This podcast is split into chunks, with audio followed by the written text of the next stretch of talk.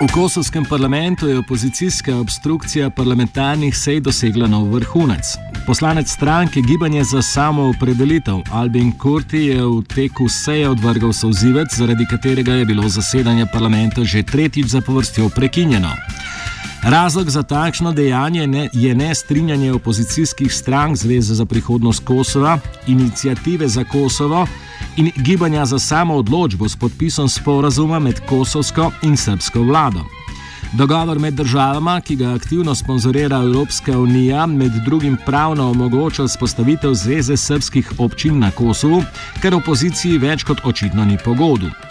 Dogajanje v parlamentu razloži Bekim Mahačeri iz Balkanske mreže raziskovalnega poročanja. Okay, uh, um, the last meeting between a delegation from Kosovo and Serbia was during uh, August, and from that meeting in Brussels, we have new agreement for um, association of Serbs municipalities in Kosovo. But that, that agreement was not supported by the opposition parties in the parliament. When the Prime Minister of Kosovo, Isa Mustafa, was trying to inform the member of the parliament for that agreement, the members of opposition parliament uh, MPs blocked him and uh, it's uh, mm, that that mm, one month uh, later we don't have any uh, session in Kosovo in in the parliament because of the um, of the troubles uh, that that is going on in Kosovo parliament. This is what happened today. In the parliament session in Kosovo was announced closed as, as opposition uh, MPs threw targets. Con- canister in the hall. The, the situation was already tense with MPs from opposition, from Vetëvendosje, AK and Nisma, blowing whistles literally in the face of uh, their colleagues from the Kosovo uh, majority as they command and approve several uh, bills despite the uh, the whistling and occasionally being thrown water at. Uh, what happened today? This, uh, I mean, the, the majority in the parliament uh, was trying to to to try to have some um, uh, laws, but uh, the problem was like uh, opposition parties uh, trying to stop that. This is not the first time. This is the fir- third time during this month, and this is a very big problem in political scene in Kosovo. Dogovor predvideva vzpostavitev zveze desetih srpskih občin, oblikovanje lastne skupščine z izvoljenim predsednikom, prav tako bi zveza imela lastno zastavo in druge simbole. Skupščina bi bila zadolžena za gospodarski razvoj, izobraževanje, zdravstvo ter mestno in podeželsko planiranje.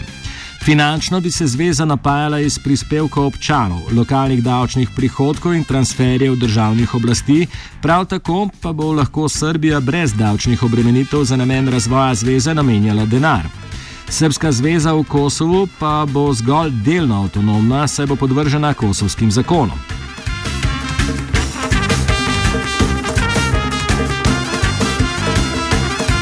Glavni očitek opozicije takšni ureditvi je, da bo v Kosovu implementiran nov Daytonski sporazum, ki bo zaradi administrativnih preobremenitev države v državi nedelujoč. Stališče strank pojasni sogovornik. Yeah, that's true. I mean, people are saying those, uh, probably this is coming from opposition parties who are saying with this agreement, Kosovo is not unique state. Kosovo is going to be like Bosnia. So this is the, uh, uh, what uh, opposition is saying. What what the government is saying right now is that with this agreement is the best that we can have in this situation. So um, uh, according to political parties who are in the position, they are saying that they they uh, they will stop again the the parliament and there will be no discussion uh, until when the Prime Minister uh, Isa Mustafa will will came and say that he will resign, or even he will take that he will say that, that those those agreements in Brussels are not valid. So we have that that situation right right now that we have two two things.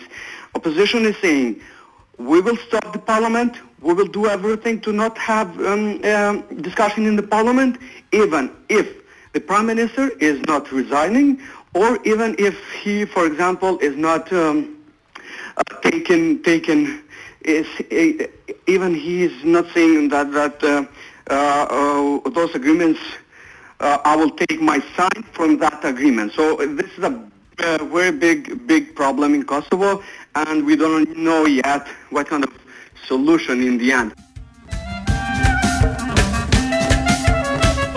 Zakonsko uveljavitev sporazuma je kosovska vlada pod vodstvom zunanjega ministra Hasima Tačija skušala spraviti skozi parlament v paketu, vendar ustrajna opozicijska obstrukcija onemogoča delovanje parlamenta. V sedanjih razmerah pa ne kaže, da bi politična kriza dosegla sporazumen konec. O političnih razmerah na Kosovo in obetih današnji offside zaključi Muhadžeri. the problem is that if you ask the majority, the, uh, the government, they will say, of course, that those agreements are the best agreements that we will have. In the other hand, we will have those po- political parties who are saying that those those uh, those kind of um, agreements were not good uh, for Kosovo. Uh, also, and the people, normal people in Kosovo, they watch what's going on in the parliament, and of course, this is not good for Kosovo in this situation because Kosovo must. Uh, do a lot of stuff for being uh, integrated in European Union, fighting corruption uh, and have better economy. But this is of course one of the big problems in Kosovo right now.